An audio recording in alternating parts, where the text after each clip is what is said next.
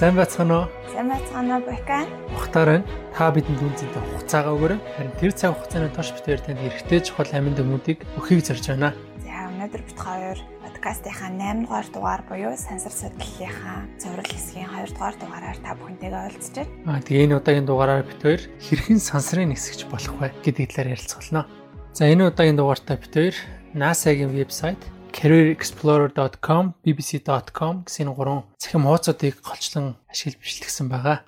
За тэгээд энэ удаагийн дугаар маань үндсэн гурван хэсэгтэй хамгийн нэгдүгээрт нь хэрхэн сансрын сэвч болоход хүүхэд байхасаа өөрийгөө бэлтэх вэ буюу сансрын сэвчийн ажлын байрны талаар хэсэг байгаа. Тэгээд дараагаар нь сансрын сэвч яг болох үе шатанд тэнцээд одоо насад ажиллаж байгаа хүмүүсийн туршлагаас хуваалцах хэсгийг бол антаа шаарна. Тэгээд хамгийн сүүлд нь эмэгтэйчүүд ер нь сансар судлалын энэ салбарт ямар үүрэг байлтай, ямар ялгаатай байдгийм бэ гэдэг талаараас ярилцах байгаа. За тэгээ эхний хэсэг рүү орцгоё. Яг сансрын сэхэгчийн ажлын байр ямар хуу байдаг вэ гэхээр зэрэг Америкт бол энэ ажлын байр нь цэргийн албан агчаар явдаг юм байна. Тэгэхээр зэрэг бусад улсын ажил хийдэг хүмүүстэй адилхан а яг тусгай сургалтын өндөр яваад яг албаа авчид шиг. Тэгээд юу сансарт гараагүй яг дэлхий дээр ажиллаж байгаа хэсэгтээ бол репорт бичээл, тайлан бичээд үйлдэлтүүдэд оролцоод судалгаа хийх зэрэг ажлуудыг бол хийдэг. Харин яг сансарт гарсан хойноо бол сансрын нисгэгчдийн үндсэн үр ойлголтын хувьд бол 2 хувиад юм лээ. Тэгээд pilot буюу нисгэгч сансрын нисгэгчд аа тэгээд mission specialist гэдэг тусгай даалгавар гүйцэтгэдэг мэрэгжилтэнгүүд гэсэн хоёр хэсэгт бод юм лээ. За тэгэхэд pilot буюу нисгэгч сансрын нисгэгчд нь бол тухайн сансарт гарсан экспедицийн багийнхыгаа багийнхныгаа ажлаа гүйцэтгэхт нь аюулгүй байдал талаас нь бүхий л хугацааны турш тэдгэр хүмүүс ажлаа гүйцэтгэхт бүхий л тослолцоо үзүүлдэг тийм зорилготой байд юм лээ. Тэгээ бас нөгөө олон улсын сансрын станцууд дээр удирдах одоо команддаг хүмүүсийг бол бас хэлдэм лээ пайлотууд нь. Харин mission specialist буюу яг сансар дээр туршилт хийдэг тэдгээр сансрын нисгэгчд бол ихэвчлэн инженер, техник тэгээд эмийн эм зүй шинжлэх ухааны талын бол анхдагч мэрэгчлүүлэлттэй. Тэгээд сансрын тухайн станц дээр бол туршилтуудыг хийдэг. Тэгээд хиймэл давуулуудыг хөөрөгдөг. Тухайн сансрын хөлгөө засвар хийдэг гэх мэтчлэн тэдгээр ажлуудыг бол хийдэг. Ийм хоёр үндсэн төрлийн сансрын сэвчд бол байд юм байна. За тэгээд бид бүгдийн мэдж байгаачлан а зөвлөлт холбоот улс 1961 онд анхны хүнийг бол сансар дэлгээсэн. Бид нар Юрий Гагариныг бол багасаа мэддэг байсан.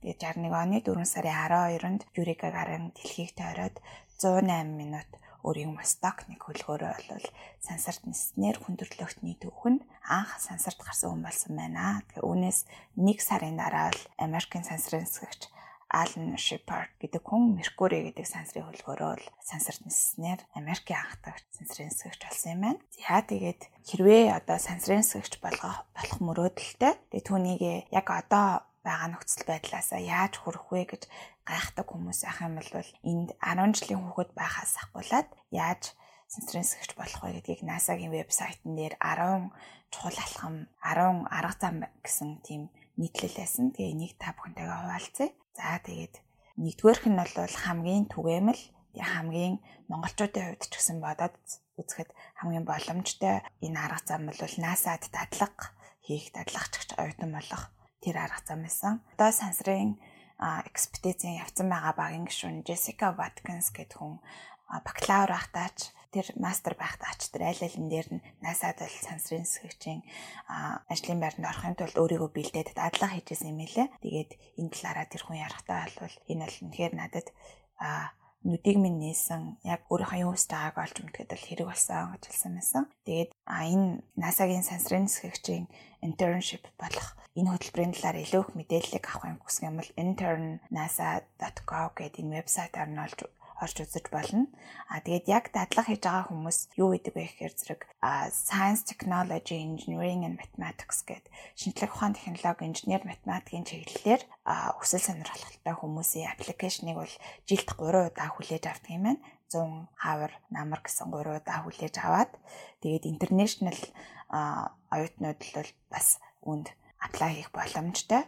Тэгээд энэ apply хийдэг энэ дадлагч оюутны хөтөлбөр нь бол NASA-гийн одоо сансар руу гаргаж байгаа шууд үйл ажиллагаанд бол одоо туслалцаа үзүүлдэг. NASA-гаас ментор гэдэг нэг юм дагуулдаг одоо хүнийг бол томилж өгдөг юм байна. Тэгээд тэр дагуулдаг хүний удирдлагын доор дадлагчтай оюутнууд л одоо тухайн хугацаа нь бас өөр өөр байд юм лээ. Тэгээ хугацаанаас хамаарат хүмүүсийн хүлээж авах стипенд нь хүртэл өөр байдаг. Гэхдээ дадлагчтай оюутан болгон бол стипенд хүлээж авдаг. Аа тэгээд ямар нэгэн өмнө нь ажиллаж исэн юм уу эсвэл бол тийм туршлага бол төдийлөн шаарддаг хгүй гэж үздсэн мэлээ. NASA-д зөвхөн дадлагчцаас орохын тулд харин жинхэнэ астронавт буюу жинхэнэ сансрын нисгэгч болоход бол мэдээж туршлага шаарддаг юм лээ. А харин нэг аппликейшн явуулсан байлаа гэж бодоход одоо зөвхөн таны аппликейшнийг бол одоо нэг хүн л үзээд таны тэнцэх тэнцэхгүй шийддэг биш. Яг агентлаг даяараа бол нэг аппликейшн бүрийг харгалзаж үздэг шудраг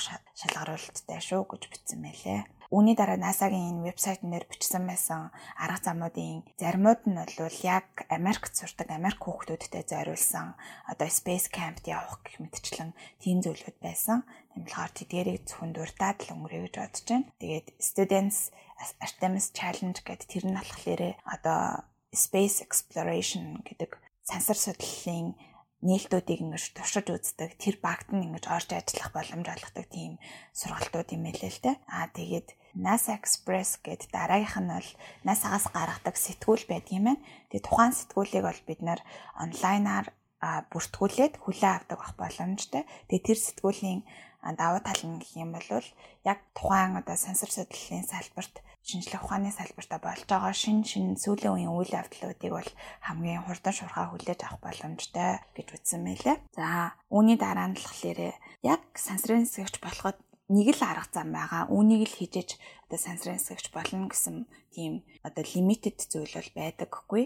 Харин яг өөрийнхөө юунд сонирхолтой байгааг олж мэдээд тэгээд түүнийхээ дагуу биологч бай, геологч бай, эмч багш ямар ямар нэгэн ажилдаа яг чин сэтгэлээсээ хүсэл сонирхлоо дагаад тэгээд NASA-д apply хийхэд бол болдог шүү гэж үзсэн мэлээ. Тэгэхээр зэрэг одоо тэнд NASA-д байгаа сансрын нисгэгчдийн анхдагч мэрэгчлүүд бол маш олон янз байдаг. Их хөвчлэн бол мэдээж шинжлэх ухаан технологи, инженер, математикийн чиглэлийнх байдаг. Гэхдээ багш хүртэл байдаг шүү гэж хэлсэн мэлээ. Дараагийнх нь биеийнхээ хувьд бие махбодын хувьд бол эрүүл саруул актив байх нь бол маш чухлаа. Яагаад тэгэхээр сансрын нисгэгчд сансарт гарсан хойноо ч гэсэн өдөрт заавал 2 цагийг дасгал хөдөлгөөн хийж иж биеэ эрүүл чирэг байлгах тийм ажлын нэг хэсэг нь болж үзт юм элэ яг сансарт гарсан сансрын сэгчдийн ясны одоо нэгт бол буурдаг. Тэгээд булчингийн маас ол сулардаг. Тийм учраас эдгээр физикийн бибицлогийн сорилтуудыг даван туулахын тулд багасаа дэлхий дээр байхасаа ахуулаад маш тийм эрүүл саруул байх нь бол чухалаа гэж үзсэн мэлээ. Үүний дараагаар сансрын сэгч болох хүсэлтэй хүмүүс шинжлэх ухаан инженерийн чиглэлийн эрдэм шинжилгээний хурлуудад бол өөрсдөө сорж хайрцагнаас гадуур сэтгэх ямар л боломж, ямар л сорилтууд байна. Тэр бүгдийг бол туршиж үзэж байхад илүүдэхгүй тэр нь бол сайн бэлтгэл болж өгөн шүү гэж үзсэн мэлээ. За тэгээд онцгойлон хамгийн сүүлд бол нисгэгчд одоо цэргийн нисгэгчд гэж байдаг шүү дээ тийм ээ. Монголд бол сургууль нь байдаггүй. Тэгэхээр зэрэг цэргийн нисгэгчийн тусгай програмд хамрагдсан хүмүүс бол сансрын нисгэгч болоход нилээд төхөмтэйгээр өөрийгөө бэлдэж өгч гэнэ гэсэн үг шүү гэж хэлсэн байна. 1961 онд хамгийн анх хүндрэлтэн сансарт хүн илгээснээсээ хойш эндээс одоо 2019 он хүртэл бол 17 он хүртэл 20 ширхэг сансрын нисгэгчд бэлтгэх бол ангууд авсан байна. За үүнээс хид хідэн одоо онцгой үйл явдал болсон ангиуд байдаг юм байна. Үүнээс 1965 онд явсан дөрөв дэх баг болохоор зэрэг анх удаа шинжлэх ухааны мэрэгчлэлтэй шинжлэх ухааны төрлийн анхдагч мэрэгчлүүлэлттэй хүмүүсийг нисгэгч чадвартай хүмүүсээс илүүд үзсэн тэр шинжлэх ухаанчдын баг болсноороо л онцлог байсан юм байна. Харин 1978 онд авсан 8 дугаарх баг бол хамгийн анхны эмэгтэй сансрын нисгэгчийг өөртөө багтаасан. Хамгийн анхны Африк Америк, Аз Америк хүмүүсийг бол өөртөө багтаасан ийм интернэшнл ийм баг бүрдсэн юм байна 1978 оныхт нь. А 1996 онд явсан 16 дахь баг бол 44 ширхэг гишүүнээс бол бүрдсэн. Тэгээд энэ дээрээс 35 нь бол зөвхөн Америкийнх, 9 нь international буюу олон улсын нисгэгчд байснараа Америкчуудаа хамгаалсан. Тэгээд хамгийн олон гишүүдтэй бол баг 1996 онд явж байсан юм байна. За 2013 онд явсан багийн нэг онцлог гэх юм бол хамгийн анхудаа дөрөв дөрвийн харьцаатай буюу эмэгтэй эрэгтэй тэгш гендерийн харьцаатайгаар баг бүрдсэн юм байна. За үргэлжлүүлээд Анташ та бүхэн тэгээ 2017 оны NASA-гийн сансрын нисгэгч болох сургалтын элсэгч буюу одоо төгссөгч болсон. Тэр хүмүүсийн талаар болоод цаашдаа NASA-гийн чиг хандлага ямар байгааг болцгоолно. За баярлалаа Буйка.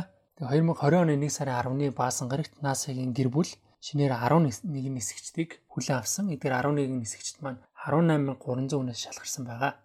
А тэгээд эдгээр 12 гишүүн маань YouTube дээр бас яг NASA-тай холбоотой өөрсдөө туршлагатай холбоотой өөрхөн бичлэгнүүдийг хийж оруулсан байгаа. Та дэлгэрүүлж үзхийг хүсчихвэл YouTube суваг дээр NASA 2017 оны Candidates гэд хайвал гараад ирнэ. Шинээр төгсөгчд маань олон улсын сансрын станц сар ангараг гараг руу чиглэсэн даалгавруудад оролцох боломжтой болсон. NASA доктортой сарны хайгуулыг хийх зорилгоор 2024 оны үед хамгийн анхны эмэгтэй ба дараагийн эрэгтэйг саран дээр алхуулах зорилготой байгаа. Тэнхүү программыг Artemis гэж нэрлсэн. Түүнээс хойш сарны нэмэлт даалгавруудыг жил бүр хийж 2030 оны донд үеэр ангараг гараг дээр хүнээр дамжуулж хайгуул судалгаа хийх маш том одоо зорилгыг NASA маань тавьсан байгаа. Энэхүү зорилгын хүрээнд сансрын хөөргөх системд буужин дээр байрлах Orion сансрын үлгийг ашиглахаар зорж байгаа юм байна. NASA манай нарны аймаг дэх хүний хайгуулыг буюу ямар нэг робот хөрөмжөөр биш хүнээр дамжуул судалгаа хийх ажлуудыг илүү өргөжүүлсээр байгаа. Яг одоогийн идэвхтэй байгаа сансрын нисгчдээс гадна илүү олон хүний нөөц одоо NASA-д хэрэгтэй байгаа юм байна. NASA-гийн сансрын нисгч одоогоор олон улсын сансрын станц дээр эрдэм шинжилгээний ажлууд хийж байгаа. Энэхүү лаборатори дэлхийн гадаргаас 240 милийн зайд дэлхийг тойрч хэрэглэж идэг. Станцд байгаа сансрын нисгчид хор тавдрын шинэлэг судалгаа хийх, хүний биеийн судалгаа болон сансарт амьдрах зэрэг шинжилгээ ухааны туршилт судалгаануудыг явуулж байгаа юм байна. А мөн дээрээс нагиандлын түншүүд дэлхийгээс сансрын станц руу хачаа тээвэрлж эхэлж байгаа. Аа тий удахгүй одоо шинэ нисгчд маань ч гэсэн энэхүү судалгаа шинжилгээний ажилд туслахаар илгээгдэх нэ. Өмнөд дурдсанчлан NASA хүний нөөцөө бэлэх зорилгоор энэ оны 3 сарын 1-ээс 31-ний хооронд цахим банкад хүлээн авах аа одоо платформыг нээсэн байгаа. Тэгвэл яг ямар хүн яаж хин сансрын нисгч авах эсвэл ихч болох вэ? Үндсэн шаардлагууд болон дараалал процессыг та хэддэг хаалцъя. Үндсэндээ та гурван шаардлага хангаж байвал эхний шатанд тэнцэх боломжтой болно. Нэгдүгээрт магадлан тэтгэмжлэгдсэн байгууллага сургуулаас инженер биологийн шинжилгээ ухаан, физикийн шинжилгээ ухаан, компьютерийн ухаан, математик зэрэг мэрэгч чиглэлээр мастерын зэрэг хамгаалсан байх ёстой. Хоёрдугаарт мастерын зэргийн дараа мэрэгчлэрээ дор хаяж 2 жил ажиллаж туршлагдсан эсвэл тэрлэлд онгоцонд 1000-аас доош цаг ниссэн байх. Гуравдугаарт NASA-гийн урт хугацааны нислэг үед нисгчийн давах ёстой физик, бие физиологийн тестийг давах ёстой буюу урт хугацааны нислэгийг даах давах чадаа эрүүл биетэй байх ёстой байна. А эдгээр гурван үндсэн шалгуураас гадна бусдыг манлайлах, удирдах, багаар ажиллах болон харилцааны чадрууд маш чухалд тооцогддог. За тэгвэл яг ямар дараалттай явдаг талаар хуваалцъя. Тэг бодит жишээн дээр буюу 2016 оны шинэ нисгчдийн сонгон шалгаруулалт хэрхэн басан талаар нэрвэл та бүхэнд илүү ойлгомжтой байх хаа. 2016 оны сонгон шалралтын дэлхийн түүхэнд хамгийн олон буюу 18300 анкетыг хүлээн авсан. Аа эхлээд тэр хүмүүсийн мэрэгчлийг үнэлэн дүгнэж, үүний дараа зөвлөл нь Техас мужийн Хьюстон дэх NASA-гийн Johnson сансрын төвд ярилцлага хүмүүсийг ярилцлаганд орсон. Аа тэдгээрээс дахин шигшиж 2 дахь шатны 2 дахь шатны ярилцлаганд дуудаж, сүүлийн шатны ярилцлагаас NASA-гийн шин сансрын нисгэж болоход нэр дэвшигчид шалгарсан байна. Тэдгээр хүмүүс Джонсон төв дээр бэлгийн сургалт хийж 2 жилийн хугацаанд сансрын нисгэж болоход шаардлагатай үндсэн чадруудыг буюу space walking энэ болохоор сансарт байхдаа тухайд төхөөрөмж хөлгөөсөө задгаа гарах процессыг хэлж байгаа. Мэдээж шууд сансарт гарах боломжгүй учраас Джонсон төвд байрлах 62 м урт 31 м өргөн 12 м гүнтэй бассейн сансрын алхалтыг хийж туршлагачтай юм байна. Мөн сансрын станцд ажиллах T38 тэрэлт онгоцоор нисэх роботын гар удирдах зэрэг суралцтай юм байна. А тэгээ энэхүү 2 жилийн сургалт бэлтгэлийг авсны дараа эдгээр candidates буюу сансрын нисгэж болохоор бэлтгэгдэж байгаа хүмүүс маань дараа дараагийн space flight missions буюу сансрын одоо илгээлтүүд, мишнүүдэд явах боломжтой болж ирж байна. Хүн болгон бүгдээрээ зэрэг явах боломжтой учраас өөр өөрсдөө ээлжийг хүлээдэг. Тэгээд ээлжийг хүлээж байгаа дэлхий дээр байх хугацаанд Джонсонтой сансрын нисгчдийн офисоос тэднэр тодорхой хэмжээний үүрэг даалгаврууд өгдөг. Тэгээ өөрсдөө сансар нислийг тэр даалгаврыг биелүүлдэг юм байна. За энэ дээр нэмж хэлэхэд тэр Джонсон гэдэг агаан Техасын Хьюстон мужид байдаг Джонсон гэдэг сансрын одоо задгаа сансарт байгаа сансрын станц станцтайгаа холбогддог тийм төв байд юм лээ.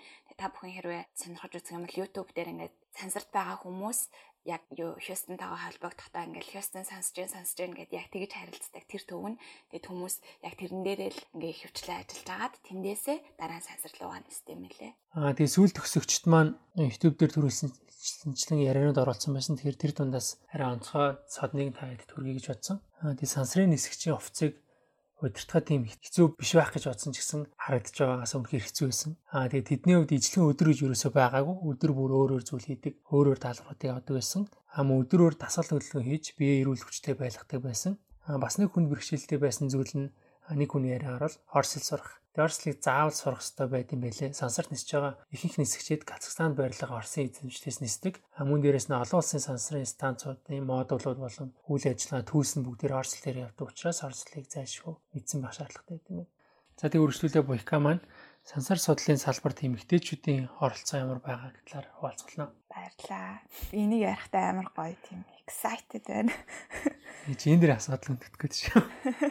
За тэгээд хамгийн анх 1963 онд Орсын албаны улс буюу тухайн үедээ зөвлөлт холбоод улсын сансрын сэгч Валентина Терешкова гэдэг эмэгтэй 26 наснаа л сансарт нисчихсэн юм байна. За тэгээд тухайн үед 61 онд хамгийн анхны эрэгтэй сансрын сэгчийг хүн төрөлхтний анх түүхэнд анх илгээснийхаа дараа бол эмэгтэйчүүдийг илгээхээр бэлдэж эхэлсэн байна л да. Тэгээд 400 гаруй хүн одоо өрсөлдөж Тэгээд тэн дээрээс 26 наснда энэ нэмэгтэй бол анхны сансрын сэгч болсон. Тэгээд тухайн Валентинагийн анхны мэрэгжил нь бол одоо бүр загасчин байсан гэж үзсэн мэлээ. Тэгээд загасчин байжгаад харин парашют гэд байдаг ч нэг агаараас ингэж буудаг. Тийм тийм шүхртэй буудаг.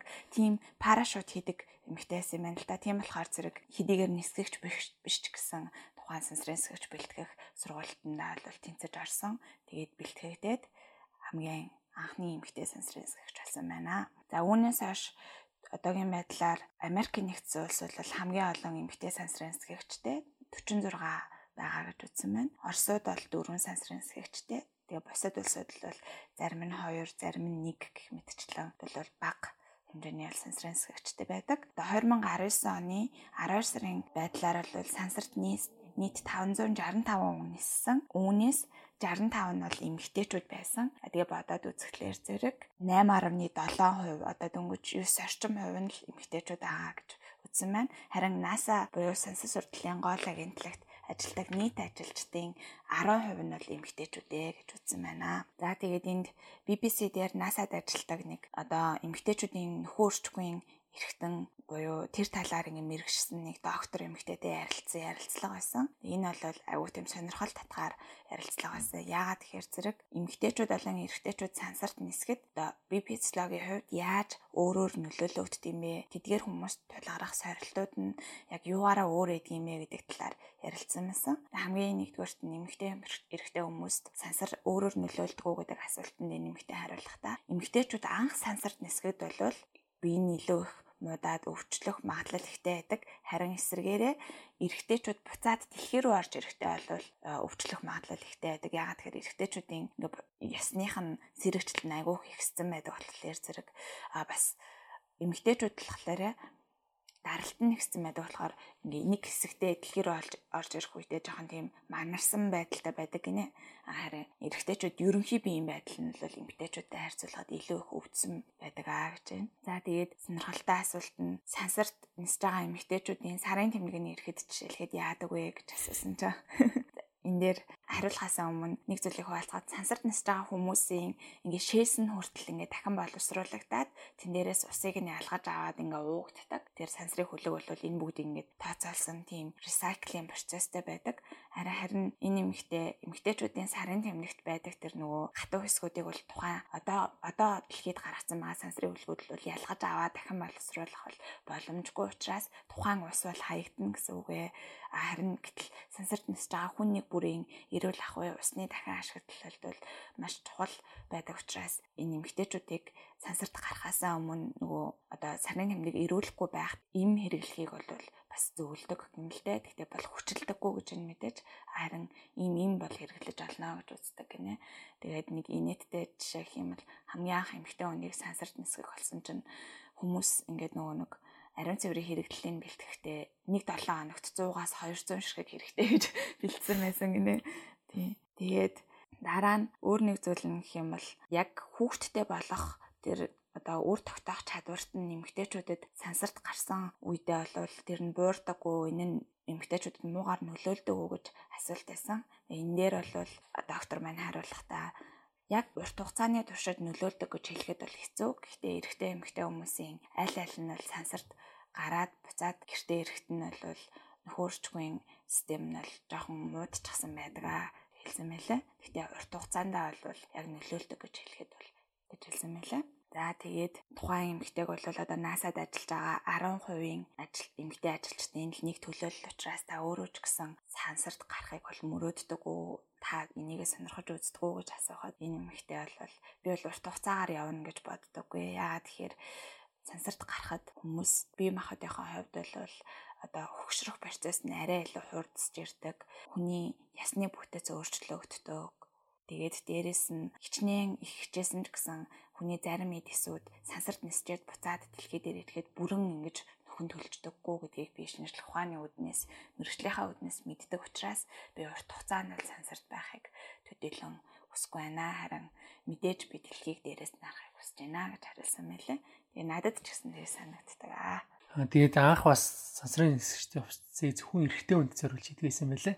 Аха тэгээд үүнтэй холбоотойгоор 2019 оны 3 сард сансрын станц дээрээс анх удаа зөвхөн эмэгтэйчүүдийн багаар spacewalk буюу одоо нөгөө хөлгөөсөө гараад задгаа сансарт гарах тийм туршилтын ажлаа хийх гэсэн юм байна л да. Тэсэн чинь төлөвлөгөө нь бол цуцлагдсан. Яагаад тэгэхээр зэрэг антааш хэлжсэн шиг таарах хувцас бол тэр хоёр эмэгтэйд хоёуланд нь байгаагүй маань л да. Эм буюу одоо medium size-тай сансрын сэхэгч хувцас бол байгаагүй. Тэгээд тухайн ажиллагаа бол төрөөдөө цуцлагдсан. Тэгсэн чинь Хиллари Клинтон Твиттертэй тэгвэл дахиад нэгийг хийгээч гэд бичсэн байсан. Тэгээд 2019 оны 10 сарын 18-нд бол чинээр сансрын сэгч хувцс нь бол бэлэн болсон учраас хоёр эмэгтэй сансрын сэгч 6 цагийн турш яг хоёулахнаа эмэгтэйчүүдийн магаараа гарч space walk хийгээд аа тэгээд энэ бол 50 жил хүмүүс сансарт хүмүүс илгээснээс анх удаа зөвхөн эмэгтэйчүүд өөрсдөө ангаараа бие дааж spacewalk хийсэн тохиолдол болсон гэж одоо NASA-гийн вебсайт нэр айгүйх онцгойлж үзсэн мэлээ. За бүгдээр нь энэ удаагийн дугаарыг эхлээс нь өсөл хүртэл хамт байсан баярлалаа. Дараагийн дугаараараа уулзлаа. Түр баяртай. Баярлалаа.